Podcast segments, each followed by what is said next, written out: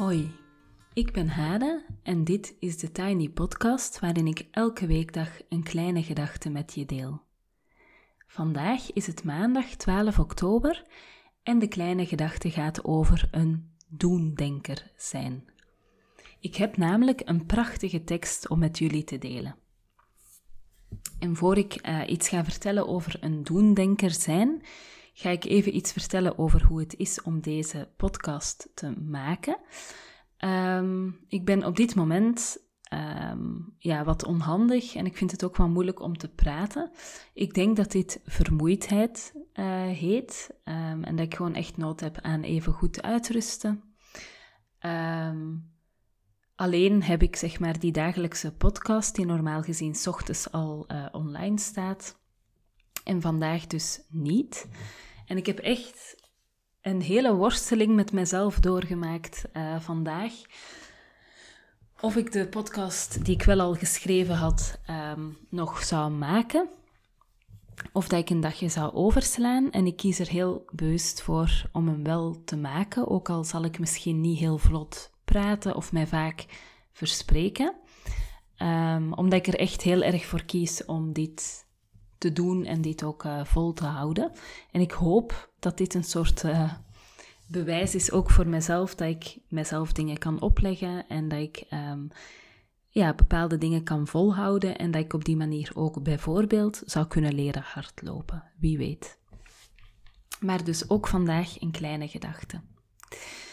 Um, en die gaat dus over een doendenker zijn en daar ga ik eerst een inleiding bij vertellen. Voor kinderen en jongeren zijn er, vooral in het onderwijs, inmiddels programma's om te werken aan burgerschapsvorming. Wat betekent het een goed burger te zijn? Je verantwoordelijkheid te nemen in de samenleving. Wat moet je daarvoor weten, kennen, kunnen en doen?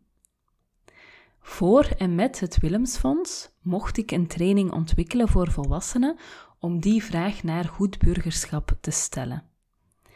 Deelnemers van de training nemen hun eigen burgerschap onder de loep. De training heet Van Doemdenker naar Doendenker. En dat is natuurlijk met een knipoogje. Maar het gaat erom voor jezelf te ontdekken wat het betekent een goed burger of een doendenker te zijn. Met de N en niet met de M. Ik vroeg enkele mensen om een getuigenis. Wat betekent het voor hen om een doendenker te zijn? En ik heb daar verschillende reacties op gekregen en ik wil jou ook ontzettend uitnodigen om jouw eigen tekst of audio door te sturen, want ik vind het heel fijn om uh, met die thema bezig te zijn en eigenlijk te onderzoeken wat verschillende mensen verstaan onder een goed burger zijn. Maar ik kreeg dus ook deze tekst van Loes, die onder meer actief is bij Klimaatcontact. En ik ga de tekst zo voorlezen. Um, maar ik zal even dus nog zeggen dat jouw tekst of audio welkom is via de mail en dat is thetinypodcast.gmail.com. En wat ik voor ik de tekst van Loes ga inspreken ook nog wil vertellen, is dat er in de pilot van de training, en dat begint vrijdag, het zijn zes lunchmeetings op vrijdag, telkens van 12 tot 13.30 uur. Um, en daar is dus nog één plekje. En als je wil um, deelnemen, dan kan je bijvoorbeeld naar de podcast van vorige donderdag luisteren om meer over die training te weten te komen. En dan mag je dus ook een mailtje sturen aan thetinypodcast.gmail.com om dat laatste plekje te claimen. Voilà. Uh, een tekst inspreken voelt vandaag echt even alsof ik een immense berg aan het beklimmen ben. Um, maar ja, ik hoop dat ik mij niet te vaak verspreek in die tekst van Loes want die tekst heeft mij alleszins ongelooflijk diep geraakt.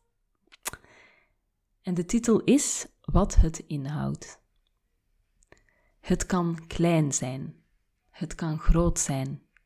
Het kan klein voelen, maar groot zijn. Het kan klein beginnen, het kan groeien, het kan overweldigend zijn. Je kunt erin meegesleurd worden of zelf stapje voor stapje. Dit is wat het kan zijn om een doendenker te zijn.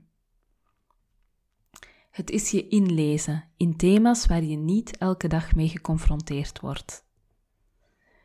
Het is je inlezen in thema's waar je daarna voortdurend mee geconfronteerd wordt.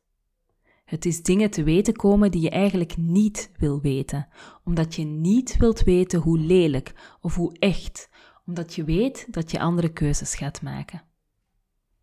Het is andere keuzes maken, nadenken wat het best, het eerlijkst, het rechtvaardigst, het schoonst. Het is soms niet kiezen voor het beste, maar voor het best mogelijke. Het is langer twijfelen, iets uitzoeken, navragen, omdat je zeker wilt weten dat je keuze strookt met de waarde, met je waarde. Het is het gesprek aangaan met de buurman na zijn opmerking over een ander. Het is petities tekenen. Het is een mailtje sturen naar de fabrikant om een geluid te laten horen. Het is lid worden van een politieke partij terwijl je geen zin hebt om je met politiek bezig te houden. Het is vragen stellen. Het is je uitspreken, niet alleen voor jezelf, maar ook voor anderen. Het is zeggen wat je ergens van vindt in plaats van zwijgen. Het is je uitspreken tegen onrecht.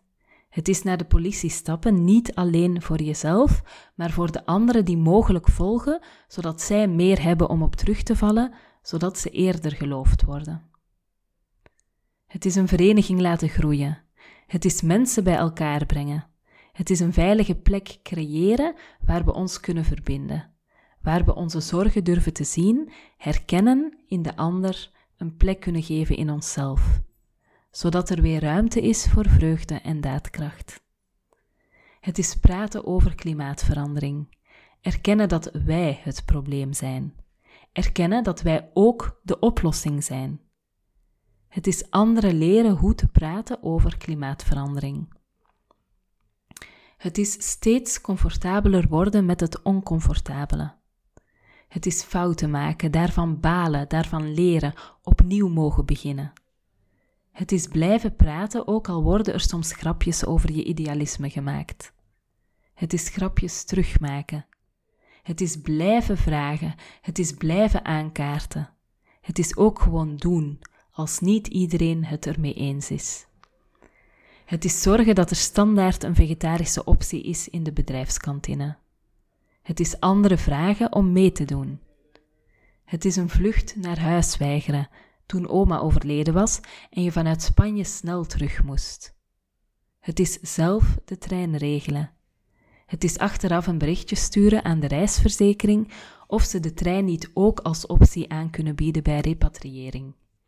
Het is juichen als door jouw mailtjes nu ook de trein een optie wordt. Het is nog meer boeken lezen, je ogen openen voor meer dan waar je zelf tegenaan loopt. Het is je ogen niet meer kunnen sluiten. Het is de wereld anders zien, weten, ik ben niet te klein, kracht krijgen van ergens voor staan, weten, ik kan iets doen. Het is een compliment geven aan een onbekende. Het is gedag zeggen op straat. Het is naar elkaar glimlachen, ook al zit er een mondkapje voor, de rimpels rond je ogen laten zien. Het is jezelf aanbieden aan de ander, jezelf opzij zetten. Het is luisteren. Het is vragen stellen. Het is er zijn. Helemaal alleen zijn. Het is je uitspreken voor mensen die je niet kent, in landen waar je nooit bent geweest, waarvan je niet weet waar ze liggen. Het is soms even niet doen. Niets doen. Helemaal niets. Niets lezen, niets uitspreken. Geen ander, geen actie, geen verbinding. Omdat je voor altijd een doendenker wilt zijn. Tot daar de tekst van Loes en die heeft mij echt ongelooflijk geraakt. Ik vind hem echt zo mooi en zo, ja, het raakt me echt enorm. Zo waar en zo compleet vind ik deze tekst.